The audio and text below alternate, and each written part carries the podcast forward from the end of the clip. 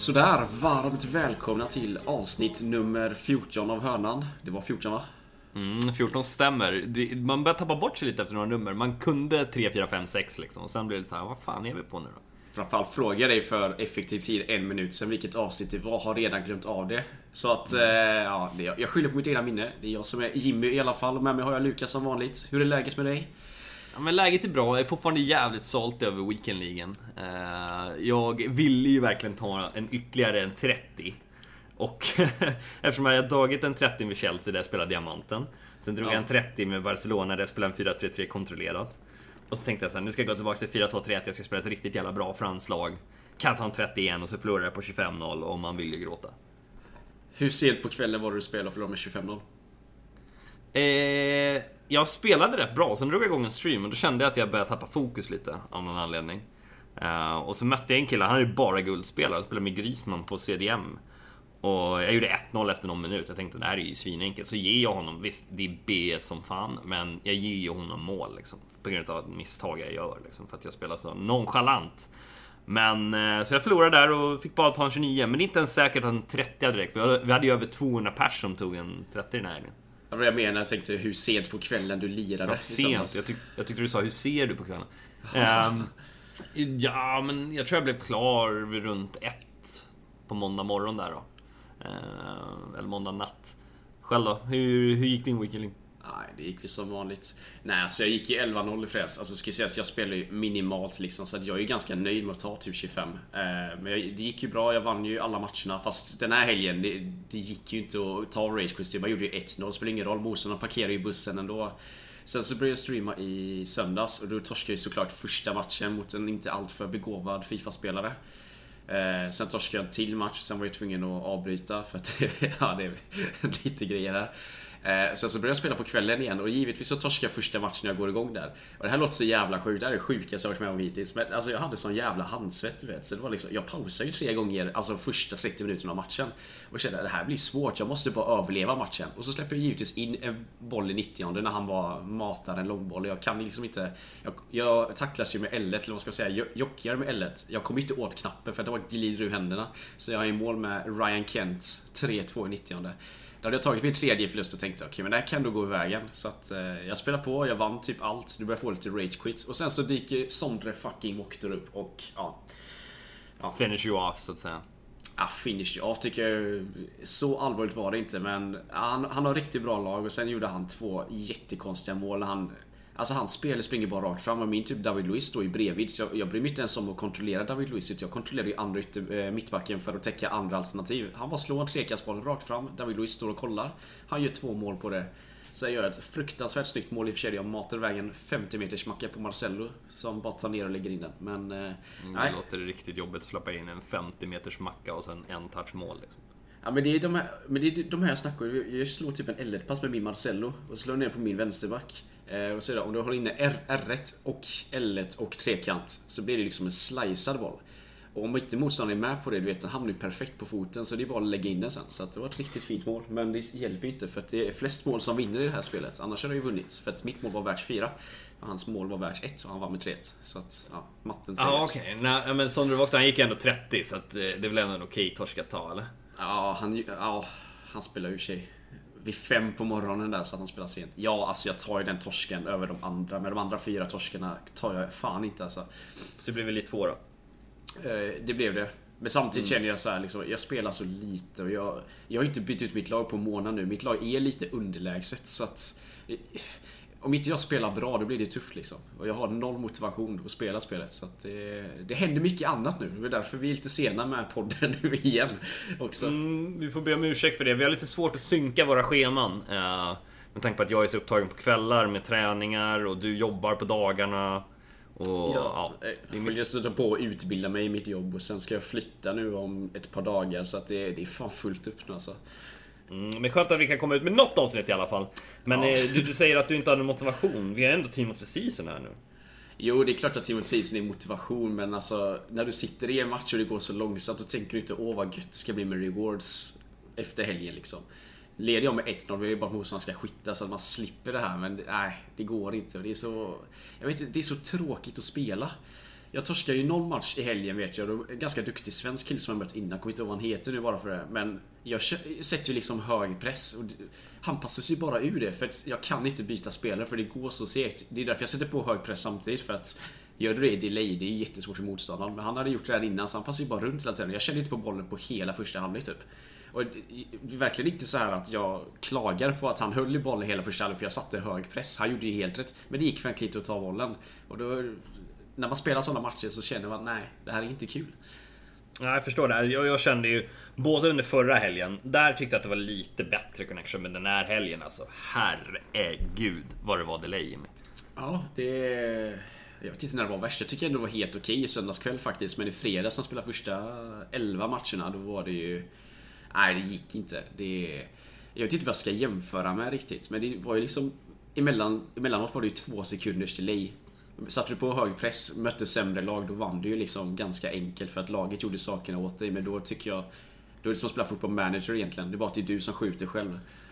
Ja, men jag vet inte hur mycket folk som lyssnar på det här känner till Italian Stallion, men han är ju, vad ska man säga, den, jag skulle säga den bästa feedbacken eh, som EA kan få från communityt. Och han pratar ju väldigt, väldigt mycket om de här sakerna i Fifa 20. Alltså folk har ju mycket åsikter kring Fifa 20 och tidigare Fifa-versioner och sådär. Eh, men lyssnar du på Italian, Stallion då, då eh, så man inser lite hur lite folk verkligen förstår spelet. Alltså de fundamentala sakerna, vi, vi snackar lite om taktik här nu till exempel. Vi kan ju gärna gå in på att det fortfarande är OP att skjuta första stolpen, vilket är det mest ologiska som någonsin har hänt i ett fotbollsspel. Men just det taktiska förr i tiden, vi har pratat mycket om det här tidigare, men att R1-pressen var betydligt bättre gjorde ju att pressen blev helt manuell.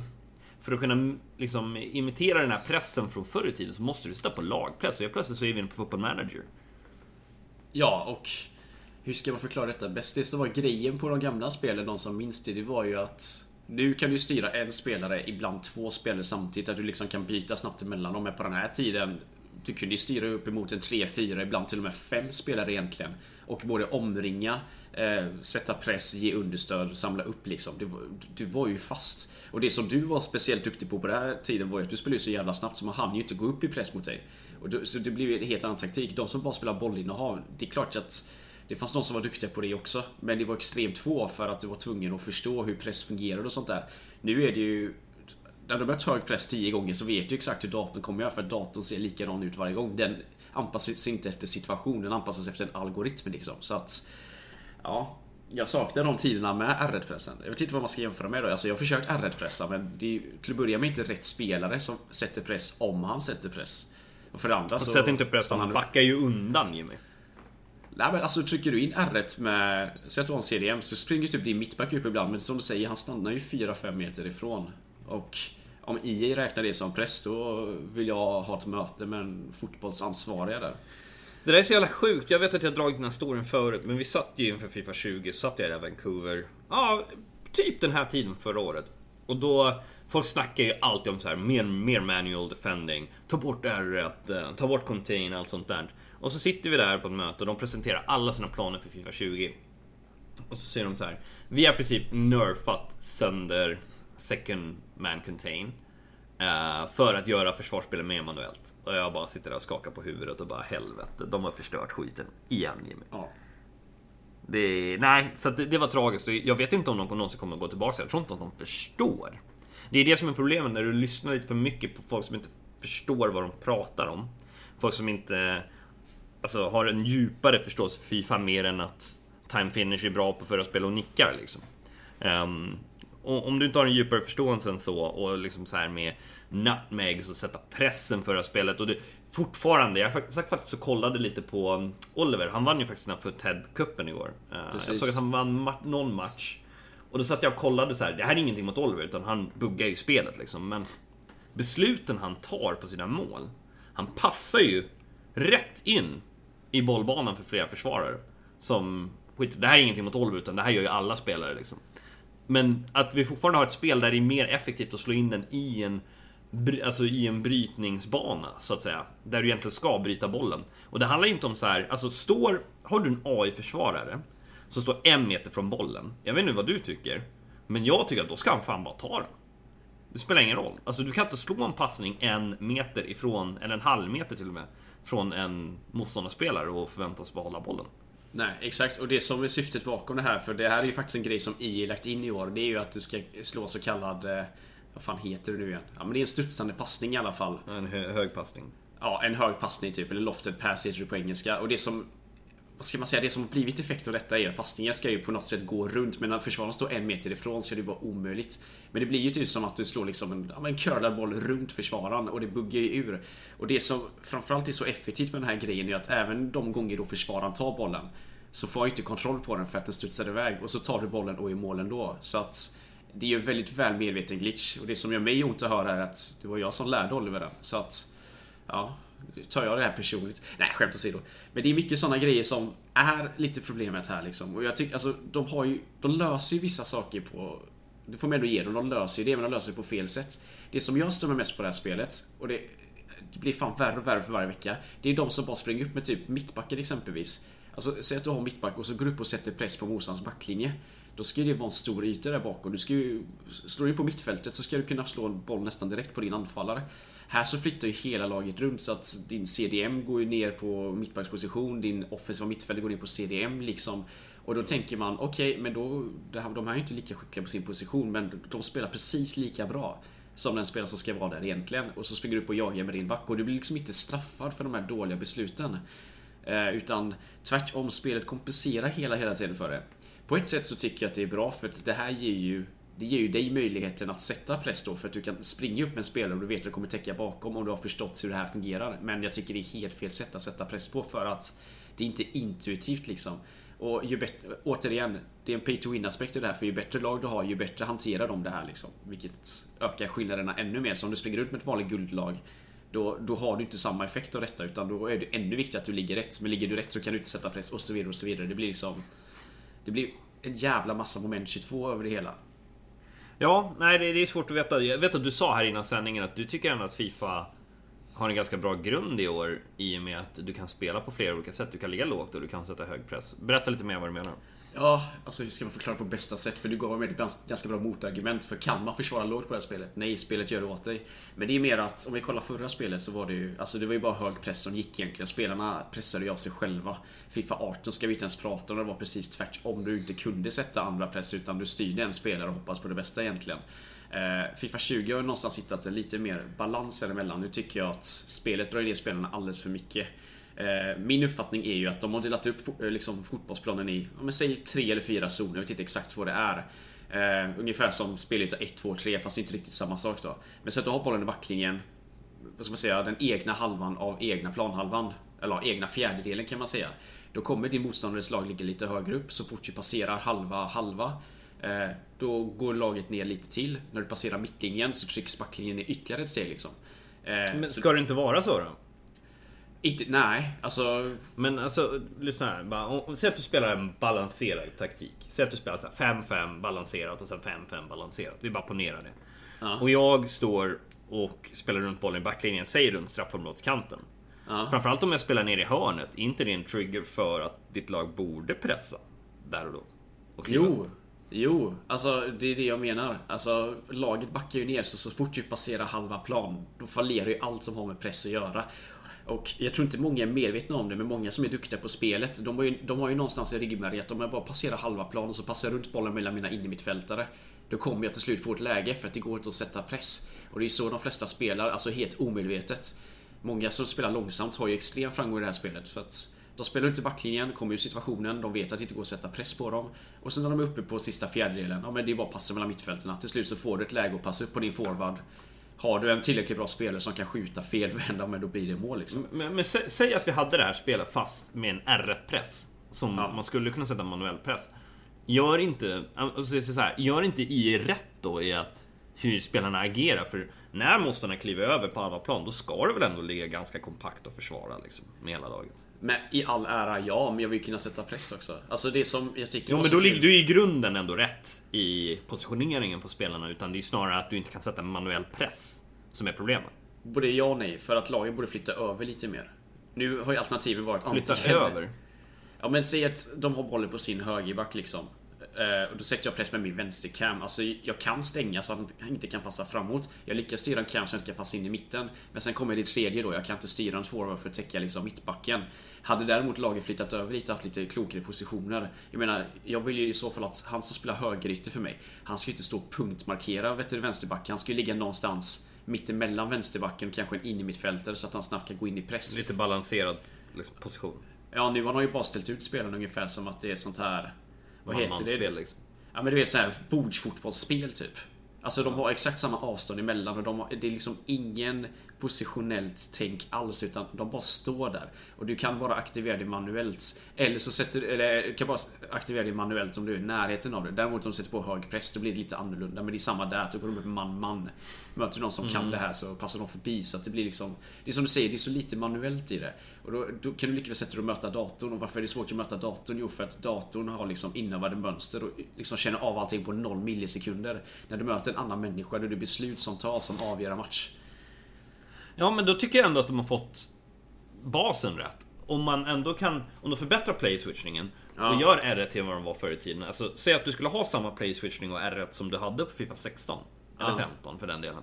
Ja. Då kanske vi har ett ganska bra spel. Och Jo, då, har, jo då, alltså då är vi någonstans där. På grund av det du säger, att man kan sätta press, du kan ge understöd och även liksom komma med tredje- Manuellt. Och detsamma gäller ju överflyttning. Alltså säg att du byter kant rätt mycket och du säger att du gör det snabbt också. Ja. I anfallsmässigt. Om du vill flytta över laget så att du skapar en överbelastning på en sida. Då måste du nästan göra det manuellt tycker jag.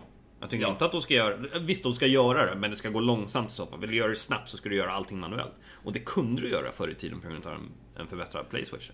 Ja, exakt. Det var ju det som skiljer de bästa spelarna framförallt i både tempo, offensivt och defensivt. Hur bra du lyckades sätta pressen. Alltså, speciellt i delay när det var lite svårare så var det ju Många var ju extremt duktiga på att ändå sätta den här pressen liksom. För de, de hade liksom det i huvudet och hur man skulle styra sin motståndare och sånt där liksom.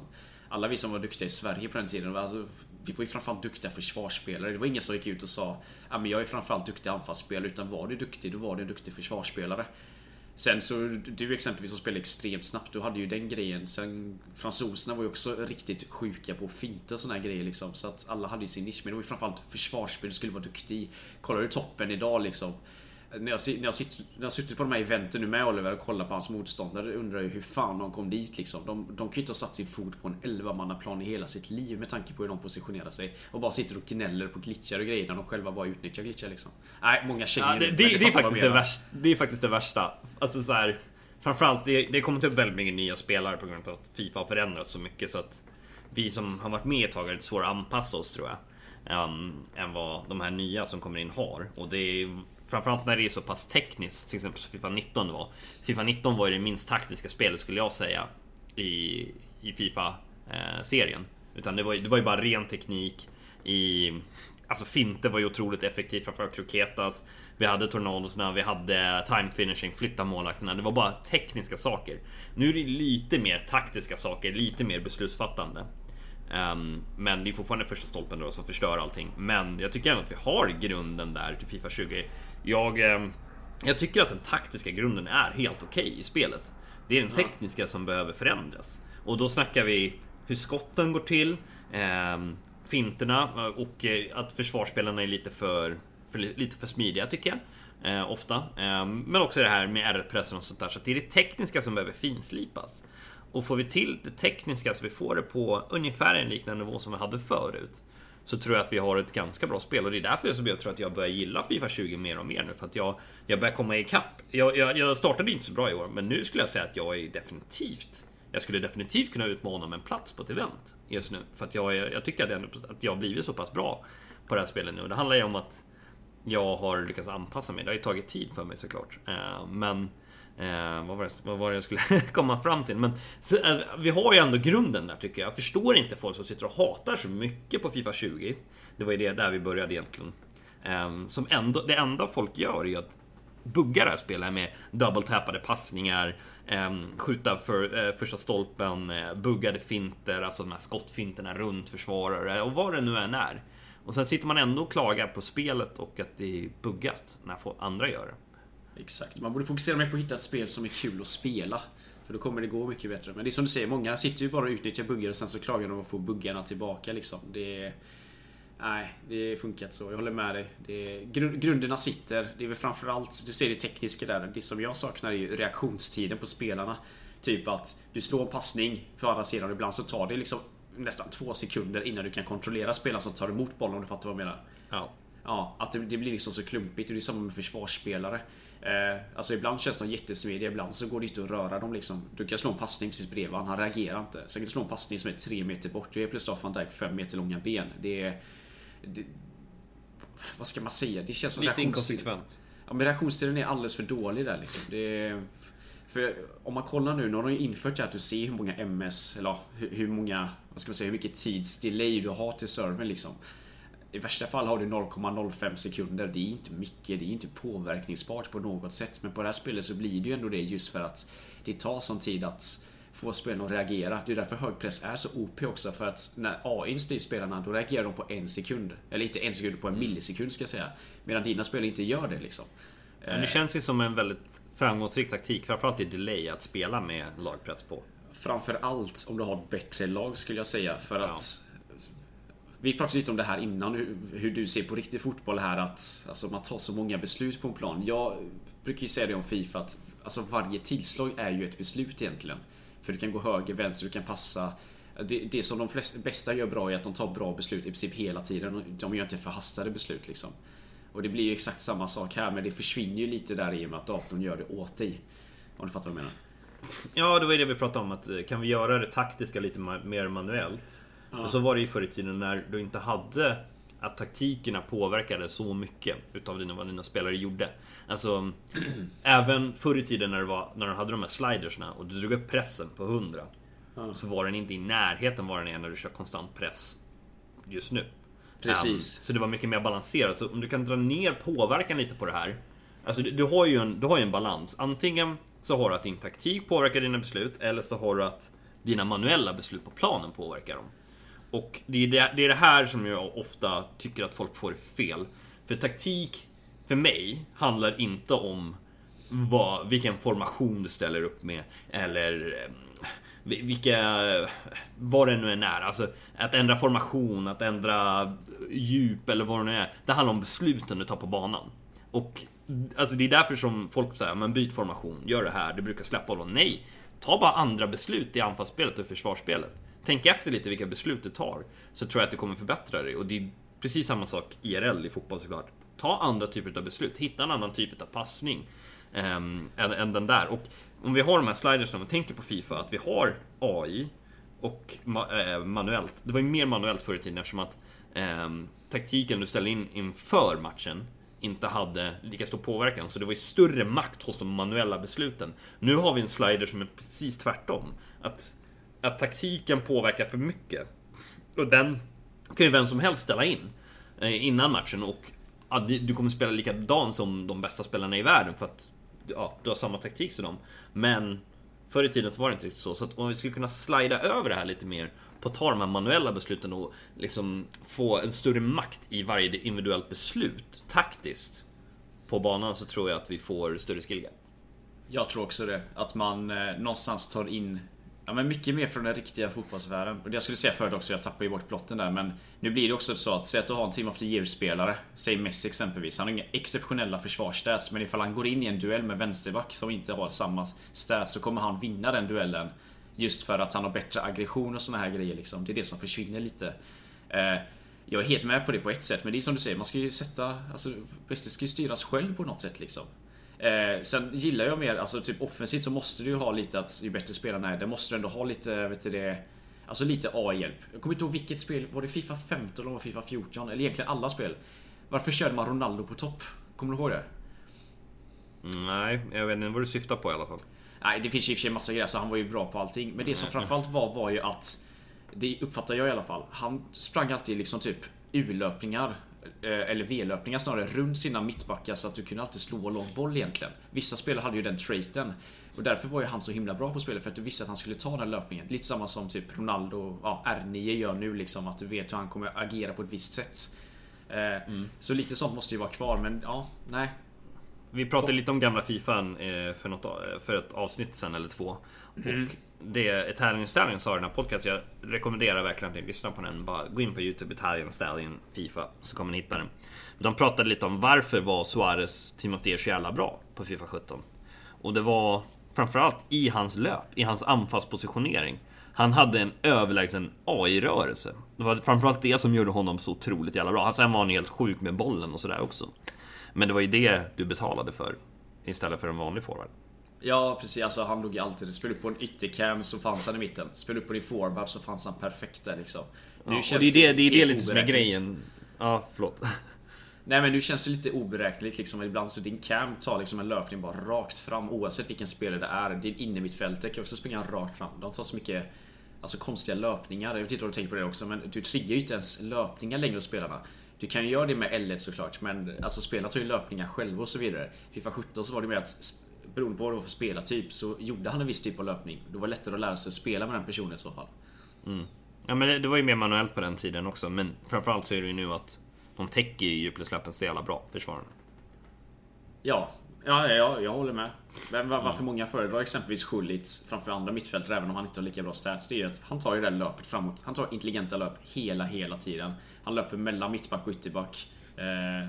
Fast han, jag, jag, tycker inte att han gör det på samma sätt som det var förr i tiden. Alltså det är framförallt i år. I år är ju offensiv AI är ju helt jävla stendöd. Den är helt dum i huvudet. Den tar ju bara ett rakt löp. Tävlingställningar, jag kommer tillbaka till honom. Han gjorde en video där han jämförde Fifa 19s offensiv AI med ja. offensiv AI på Fifa 17. Ja. Och det, alltså, det är en sjuk skillnad och det, det känns som att ha tagit fyra steg bakåt. Han har ju har lagt ut några klipp på Twitter jag sett på Fifa 20 där hans typ Hans ytterkam, du vet de står ju inte ens vända mot bollen, de bara står rakt vända mot hörnflaggor. Det är det jag menar lite när jag snackar om defensiv förut, att de har bara ställt ut spelarna egentligen. Som det är på match eller sånt där. Det är, liksom, det är ingen reaktion. Och det som händer då, om du ska passa en sån spelare, så de reagerar ju inte för att spelet har typ stängt av att han ska vara redo liksom. Jag har inte kollat på hans videos med Fifa 17 och sånt där och jag kommer faktiskt inte ihåg exakt hur det var där men Jag vet ju tidigare spel då var det ju väldigt mycket Alltså, du var ju tvungen att trigga löpningar manuellt på något sätt. Men du fick även förståelse för vad spelarna skulle göra. För mig känns det som att Ny, ny helg kommer, ny weekend League och mina spelare kommer ta nya jävla löpningar. Jag vet inte, jag vet inte hur de kommer fungera. Jag försöker trigga igång så mycket manuellt som möjligt men nej. De, de gör mycket automatiska grejer ändå. Det blir så svårt att lära sig och läsa spelet i så fall. Vilket slänger in ännu liksom mer AI. mycket hat på AI här. Du fattar vad jag menar i alla fall.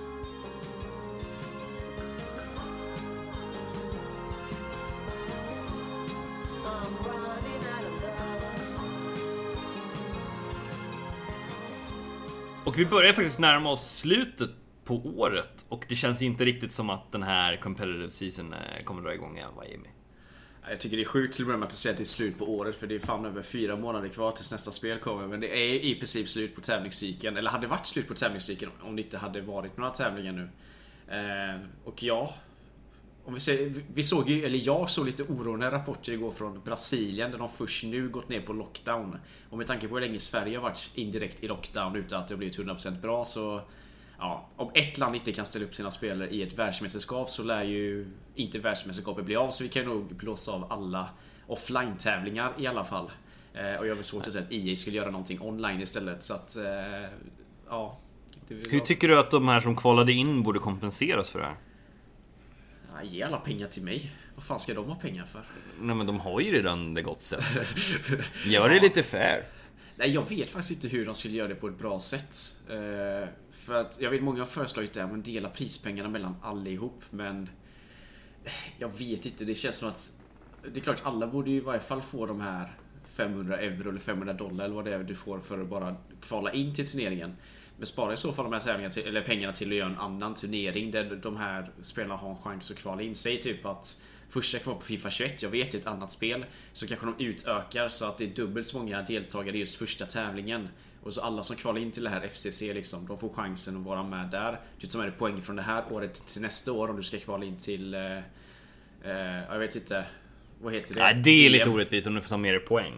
Okej, okay, men då kan vi göra så att vi Såklart får du inte med dig alla poäng men du kan ju typ dela med faktor 2. Jag menar de flesta kommer ju vara duktiga på det här spelet som är duktiga som kommer vara duktiga på även på nästa spel. Det finns ett enda undantag. Jag fattar fortfarande inte Hur han på något sätt blir inbjuden till turneringar och sånt där. Nu kommer jag slänga ut en jävla känga med Crazy Fat Gamer. Helt jävla ärligt alltså. ja, men han, han, han var duktig första två turneringarna. Sen har han ju fan varit mer osynlig än... Eh, Ja, jag vet inte. Jag ska inte dra för många elaka referenser där, han var totalt under isen liksom. Vi hade in i Footed Cup igår liksom och det var många som snackade han är så himla duktig. Han har ju fan inte ens varit nära att kvala in till någon turnering väl? Sen dess. Men han ligger Fan, etta på rankingen. Har jag för mig. Va? Ja. Ja. ja. eller tvåa kanske. Jag tror Cezinho gick ikapp, men han ligger etta eller tvåa på PS4-rankingen. Ja, men det- då är det väl ändå förståeligt att han blir inbjuden. Jo, men det är även ett starkt jävla motbevis på varför man ska ta med sig poäng till nästa spel. För han kommer inte vara det enda exemplet. Nej, han, Alltså han för ju- mig var ju Crazy Fat Gamer, det var ju en spelare på så här Fifa 14, Fifa 15 tiderna som var ett lite av ett italienskt skämt. Liksom. Jag skulle samtidigt säga han var en av få italienare som inte hade laggig connection och spelade som ett svin. Men ja, han är en av de...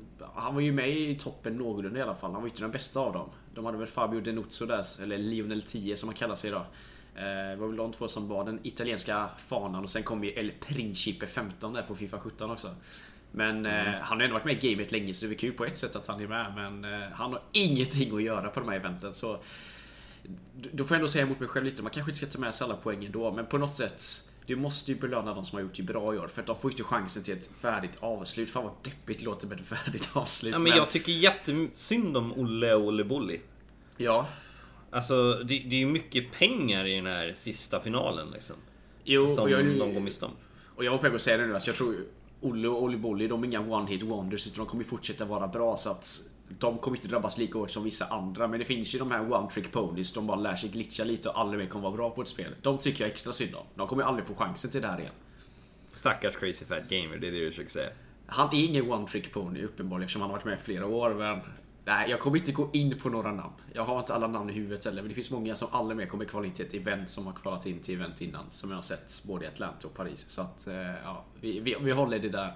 Jag tycker så här i alla fall. Det, de resultaten som de har gjort på Fifa 20 har ingenting att göra med Fifa 21. Det, det tror jag att de flesta är överens om.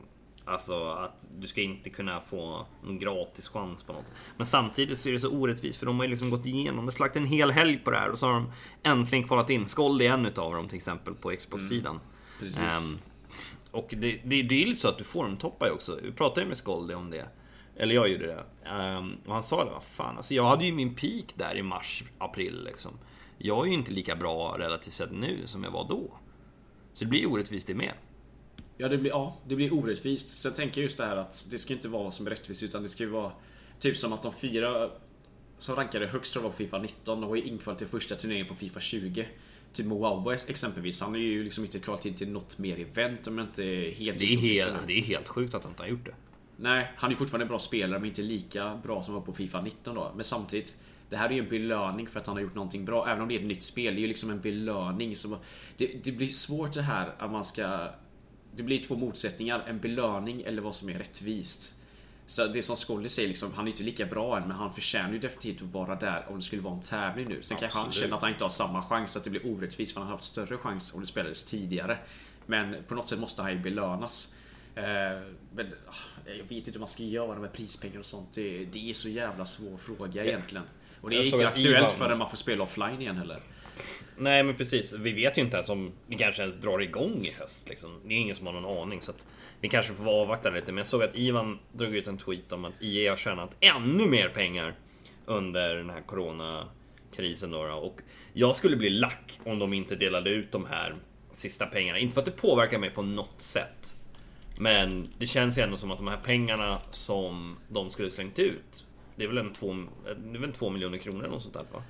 I finanspelet. Eh, De borde distribueras ut till Jag, spelarna. måste, ja, jag ska hålla på och försöka läsa den här rapporten snabbt samtidigt. För jag har för mig att det var inte så att de specifikt sa att det var Fifa som har gjort det här. Ska vi se. EA redovisar intäkter som var högre än väntat under fjärde kvartalet. Justerat resultat per aktie var högre än väntat. Eh, och, Fjärde kvartal. D- d- d- d- d- d- d- Ja, vad fan de ska ut fjärde kvartalet? Är de så jävla långt efter USA att de går ett halvår bak i tiden? Det känns jättekonstigt. Jag läste bara rubriken. Ehm, så det det kanske läxa till både mig och alla andra som lyssnar. Läs fucking artikeln. Oavsett Okej, vad. Ja, jo. De, de tjänar nog pengar fortfarande i Jag tror att de gör det. Ehm, och de hade ju ganska lyckosamma streams med när de körde den här turneringen. Där Nabbe var med och Alla de här Ja. spelarna. Jag såg det, jag vet inte om det var ett skämt, men de hade ju någon så här donationsmål typ. Ehm, där de skulle nå typ så här, vad var det, typ 500 000 dollar eller vad det nu var. Jag kommer Ja. inte ihåg hur mycket det var. Så hade EA donerat 100 000 dollar och så här, slutet på streamen så stod det att de hade samlat ihop 1100. Nej, 1000, 1000, 101 000 dollar. Så att Ja. de, de hade typ dragit in totalt utav 1000 dollar i donationer. Ja. Och det tycker jag är rätt svagt. Det är jävligt svagt. Sen det jag tycker är kul, jag har ju inte kollat så mycket på den här communityn. Du kanske har lite bättre koll på den spanska communityn. Men till att börja med, hur mycket större den är än egentligen alla andra communities inom Fifa. Och nummer två, när de har såna här charity-grejer. Alltså helvete vad de samlar in pengar. Har du sett hur många de de följare de största har där? Eller han DJ Mario? och- Nej, det är helt, jag, brukar, jag brukar kolla på DJ Mario, alltså folk vet ju inte ens vem det är. Men han är ju den största FIFA-youtubern i världen. Ja, och jag menar, de var, det var ju två andra. Det var ju en kille som... Han har ju världens ljusaste röst. Ser ganska skön ut liksom. Men eh, jag fattar inte ett ord för han pratar så jävla pipigt. Men han hade också såhär 5-6 miljoner eh, Ja, jag vet vad du menar, jag kommer inte ihåg vad han heter nu bara för det. Ja, Ja, intervjuade han- Hazard i början av... eh, Eller Ja, i, förra sommaren. Ja men de är skitsköna, jag träffade dem i Berlin och så började jag snacka lite med dem. Ja. Och de, de är så jävla jordnära liksom. För att det är så mycket, du vet såhär en hype när anglo-hypen liksom såhär, ja han är amerikan eller britt liksom. Man sitter där med 500 000, han är stor liksom. Men de, de hörs ju mycket, mycket mer. Du vet såhär, de är lite skrikiga britter och amerikaner.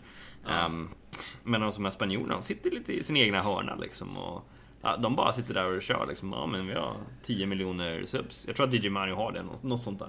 De är lite mer manjana nere i sydväst där tror jag. Men de är, li, de är lite mer jordnära och jag tyckte de var skitsköna och de var, de var skit... Eh, de ställde upp och säger såhär Dale Mamacita och sånt där. Eh, I, I min vlogg. Så den tycker jag ni borde kika in från Berlin. Det var skitkul att snacka med DJ Mario liksom. Eh, för att jag brukar ju titta på hans stream. Jag tycker att han är så jävla rolig. Ehm, nu kör han ju på spanska såklart. Och jag förstår väl inte heller allting. Men ehm, han, är, han är skitrolig. Så att, ehm, ja, det finns, det finns mer än just bara den här eh, engelska världen. Och det var det som jag blev arg över. Jag kommer ihåg, det var förra året. Ja. Då började EA med att köra Twitch drops på Pax på vissa typer av streams. Och det gav Ja. dem till Bateson, typ Nepen, nej inte Nepenthes såklart. Bateson, eh, Castro, någon tysk. Jag tror att Bruce Granick fick en också och sen var det någon till amerikan eller något sånt där. Ja. Eh, kommer inte ihåg vem det var. Eh, spelar ingen roll. Men de sket ju fullständigt i den spanska communityn. Och Det är jävligt konstigt faktiskt för att alltså även, Vi kanske snackar youtubers här men även liksom tävlingsscenen i Spanien var ju helt enorm egentligen fram till jag tror det var förra året när det var Fifa 18. Jag vet ju han Andoni PM och JR Lion eller JRA Lion. Alltså de var ju helt överlägsna. Alltså bara på de här spanska turneringarna vann de ju hur mycket som helst liksom. Och de hade ju, Alltså tänk typ EL-svenskan fast det här gick, jag har för mig att det gick på en av Spaniens största kanaler och att studion var ännu större liksom. Det här var, det här var enormt. Så att de ligger så jäkla långt före egentligen på allting. Men som sagt, det syns ju ingenting i och med att inte alla pratar spanska här eller att EA någonstans promotar det. Men de här är superstjärnor. Alltså är du... Säg att du är topp 30-spelare i Spanien, då kan man antagligen leva ganska gott på det. Ja, men JRA framförallt är ju en av deras absolut bästa. Vi har ju Gravesen därifrån också. Um, otroliga spelare. Vi, alltså, de var inte så bra i 2 mot 2 i höstas kan man väl säga. Nej. Men jag pratar lite mer om där. Om, ehm, om hur Fifa är i Spanien. De snackar mycket om connection och sådär. Och hur svårt det är. Framförallt om du är från en lite mindre by. Liksom. Ja. Ehm, jag tror att uh, Gravesen är från Oviedo. Ehm, och han sa det, nej, connectionen den är inte fantastisk så att säga. Ja, Men... jag, ju- jag har ju mött han JRA en jävla massa gånger i Fifa 15 och 16 och jag för mig att han också bodde på en sån här by. Det var det absolut värsta jag varit med om. Han är Jag tror att han är från Madrid. Va? Ja det jag kändes tror- inte. Han är faktiskt den enda killen som fått mig bannad från Gfinity en gång i tiden för att han triggade mig så mycket. Men han är skitskön tycker jag i alla fall. Ja, men jag, jag jag, pratade lite, jag pratade lite mer om, om scenen som de har i Spanien. Han sa det. Alltså, Ja. communityn är där. Men spanska EA, de skiter fullständigt i det. Liksom. Alltså, Ja. de, de, de hjälper inte till överhuvudtaget. Men de har ju stora sponsorer där som Moviestar och sådär. Jag såg IRA skrev ju på för hashtag. Jättebra utav hashtag. Jag förstår inte att de inte har gjort det tidigare. Att de inte, istället för att signa de här jäkla britterna liksom som är helt okej. Ta de största stjärnorna från de här länderna. Spanien, eh, Frankrike, Italien. Liksom. Jag tror att de får mer exposure där. Men han avslutar ju sitt kontrakt nu med hashtag och skrev på för Aspilicuetas nya, nya organisation. Ja, just det. Och han spanska youtubern jag snackade om, han har också signat för den organisationen. Jag kommer fortfarande inte på vad han heter nu Precis. varför. fan är det han heter? Jag såg ju, såg ju ett klipp med honom igår. Han är svarthårig, eller hur? Nej, han är Nej, väl är det han blonda killen? Ja, tokblond är han väl. Ja okej, det är han lilla... Han är lite Både- småmullig, är han inte det? Både han och JRA ser, ja, de kan leva gott på modellkarriären efter om man säger så. Vad fan, blond kille? Nej det är okej, det vet jag inte vad du pratar om. Men skitsamma. Um, det är st stora grejer händer i Spanien helt enkelt. Eh, och eh, de, de har ju svårt att kvala in. De snackar ju mycket om sin connection och sånt där. Sydeuropeerna var ju inte riktigt närvarande under Weekend League-tiderna när man kvalade in där i alla fall. Nej, precis. Jag håller faktiskt på att läsa lite nu om det här pressmeddelandet som EA släppte igår. Jag blir inte klok på det, alltså det är inte sådär jättemycket siffror. Det står att de har ökat 9% årligen med, med digitala intäkter om jag fattar det rätt liksom. Madden har nått högsta engagement level. Fifa står bara har mer än 25 miljoner unika spelare. Det säger ingenting. Så att... Det är inte, jag trodde det var fler än. Ja, eller hur? Så det, alltså, det man kan dra ut av detta om man läser det finstilta det är ju att de tjänade mer än förväntat. Men alltså då har ju antagligen de här experterna som sitter på bankerna och gör bedömningar. De har antagligen ja, de har gjort en bedömning att det kommer gå riktigt uselt. Så att det, det här säger egentligen det var inte lika dåligt som vi trodde snarare än att det här var bättre än vad vi trodde. Om du fattar vad jag menar. Ja, jag fattar. Så att det här säger ju inte alls mycket så att eh, det behöver inte alls gå superbra för eh, EA. Och med tanke på hur Alltså hur trenden är nu så du la väl, sa väl i någon video att lägg för fan inte pengar på Fifa points och vet du det. Det är jättemånga som gör det nu om man kollar på stora streamers och sånt där liksom att de verkligen avråder från det. Jag blir så arg. Alltså, nu, nu menar jag inte någon specifik här nu liksom. Men stora streamers, Sverige och internationellt, bygger hela sitt content på de här promoserna och på att öppna packs. Inte bara sina egna. När de får slut på pengar så öppnar de sina tittares packs. Okej, till att börja med så är det trash content att öppna sina tittares packs. För det andra så uppmuntrar det här bara till försäljning utav Fifa points. Ta ert ansvar. Jag vet att både jag och Ivan var väldigt tydliga med det under Team of the Year. Att Ja. jag kommer inte spendera någonting på Fifa points. Ni, ni får gärna titta på mina streams och sådär, men jag kommer inte öppna packs. Jag kommer spela drafts. Så jag kommer lägga ner en hundring typ, liksom, på att spela drafts. Några gånger liksom, under Team of, the, Team of the Year. Men där tycker jag att vi borde ta ett större ansvar. Men problemet där är ju att det blir så utkonkurrerat för folk vill ändå bara se pax. Så vi måste gå ifrån det där lite, att det bara handlar om pax. Alltså, ja, och problemet är ju om man ska snacka efterfrågan, push och pull där. Alltså, det är svårt att pusha ut någonting som ingen vill ha eller eh, som folk inte vet att de vill ha än. Utan nu är det ju det här att folk vill se sina favoritstreamers öppna packs och sånt där. Det är inte bara liksom någonstans bli av med det. Det, det går liksom inte. Då, då tar du samtidigt bort levebrödet. Så att jag är någonstans mitt emellan de här sidorna. Jag, skulle, jag kommer inte lägga en jävla krona till på det här spelet för att jag kan inte få så mycket bättre lag än genom points utan det får jag genom att spela bra i så fall för det är så pass bra rewards just nu. Även, så att du lägger in tusen spänn och öppna packs. Du kommer ändå inte tjäna ihop mer än kanske 200-300 000 coins. Det, det är liksom inte värt det. Alltså det går inte ens att ekonomiskt försvara att lägga in pengar just nu på Det spelet. är ju fullständigt idiotiskt, framförallt i de här tiderna när man kanske ska hålla i sina pengar lite också. Liksom, med, Jo, men alltså- ekonomin men- i kraj. Ja, men alltså om vi bara snackar rent ekonomiskt. Enda gången det egentligen... Det är två tillfällen på året det verkligen är värt att lägga in pengar i så fall. Om man nu prompt måste göra det. Det är precis när spelet släpps och det är vid Team of the Year. För det är då du får bra avkastning för varje investerad krona i spelet. Gör du det övriga tider, alltså... Nej. Det, det, det, finns, det, det är liksom inte ekonomiskt försvarbart att göra det liksom. Det, du kan du lika väl bränna upp dina pengar eller vad som helst. Det är... Nej, jag blir bara bestört när jag läser om det för att jag, ekonomen i mig Alltså den moraliska sidan av mig tycker inte om det heller men framförallt den, den ekonomiska delen i mig blir bara arg för att det här är så jävla ologiskt. Det är så orimligt. Jag håller med. Och jag, jag, jag har varit ute med det här tidigare. Och jag, jag vill ju fan gå Road to Glory nästa år alltså. Alltså jag är någonstans mitt emellan. Jag... Lite pengar vill man väl lägga men det, det är inte på öppna packs i så fall utan då är det liksom Med draft i början. Ja precis, alltså betala för att spela drafts. För vad kostar en draft att spela? Det är 300 FIFA po- eh, points, det är 30 spänn ungefär va? Um, 20 spänn, 25 eller något sånt där. Ja nu är du jävligt snäll tror jag. Jag skulle säga 30 spänn. Ja, men säg det då. Okej, 24 spänn för att vara exakt. Eh, tror jag det eh, Och Nej det är det inte. 25 spänn är det. Ja, vi släpper Ja, exakt vad jag är. Ja, 25 spänn kostar det att spela en draft ifall du lägger in maximal antal. Det är helt orimligt till att börja med. 25 spänn. Jag har ju spelat mycket Hearthstone. Det kostade 10 spänn att gå med i arenan. Och, nej, 7 spänn kostade det. Lik förbannat gjorde man det ändå. Men jag håller med. Alltså, att det ska kosta så mycket att spela. Det är sen klart du kan betala med mynt. Men grejen är att du vill ju du vill behålla myntet för att investera och få ett bra lag direkt. För att ju snabbare du har ett bra lag det är ju liksom då som investeringarna växer som mest också. Så du måste ha ett bra lag direkt. Det är bara att kolla danskarna. Herregud. De låg ju, jag tror det var i varje fall 20 danskar slog topp 100 i transfer profits. Alltså första veckan av spelet kom. För att de investerade allting och de levde länge på det liksom. De var fortfarande bland de bästa lagen på spelet. Bara för att de var bra tidigt om du fattar vad jag menar. Ja, det är, det är helt sjukt faktiskt. Ja, jämför jag med William och Oliver då som också spelar ÖIS. Alltså vi hade ju samma resurser. Vi fick ju samma resurser av ÖIS. Men de två fick så jävla mycket bättre lag i mig. För att de kunde sitta och spela typ hela första veckan liksom. Eh, De spelade extremt mycket mer just första veckan. Sen så det är klart de har spelat lite mer än vad jag har. Men det har inte varit så extremt mycket mer. Men de, då har de haft den fördelen liksom.